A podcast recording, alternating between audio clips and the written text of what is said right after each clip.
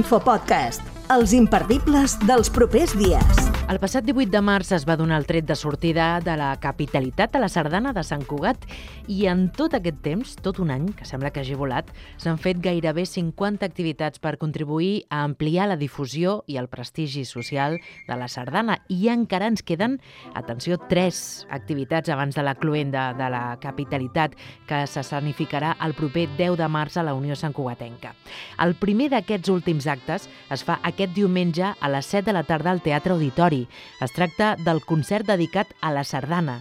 Gemma Navarra, directora de Fusió i una de les organitzadores de l'acte, explica els protagonistes del vespre dominical. La Copla de l'Energia de Palafrugell, integrada per joves i adults de Palafrugell.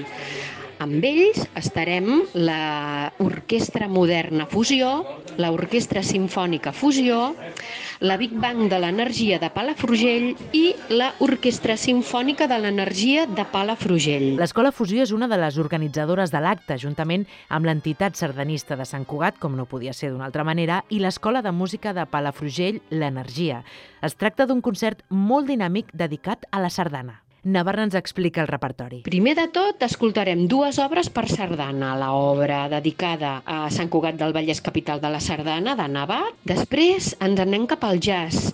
Les big bands amb, de les dues ciutats de Palafrugell i de Sant Cugat unides a la copla faran Sir Duke del Stevie Wonder i la Santa Espina jazzística, impressionant. Després del jazz, la versió sinfònica. On els músics de les orquestres sinfòniques dels dos llocs de Sant Cugat i Palafrugell faran una marxa triomfal de Beethoven seguida d'una sardana del compositor Xavier Pagès, director de l'Orquestra Sinfònica Fusió, una sardana sinfònica que es diu Briònia, amb molts punts jazzístics i amb un gran dinamisme. I per últim... Sardana Sant Martí del Canigó, una sardana de concert importantíssima de Pau Casals, però en versió sinfònica amb la unió de la copla, les sinfòniques i les big bands. Més de 100 persones dalt de l'escenari per celebrar aquesta obra tan important de Pau Casals.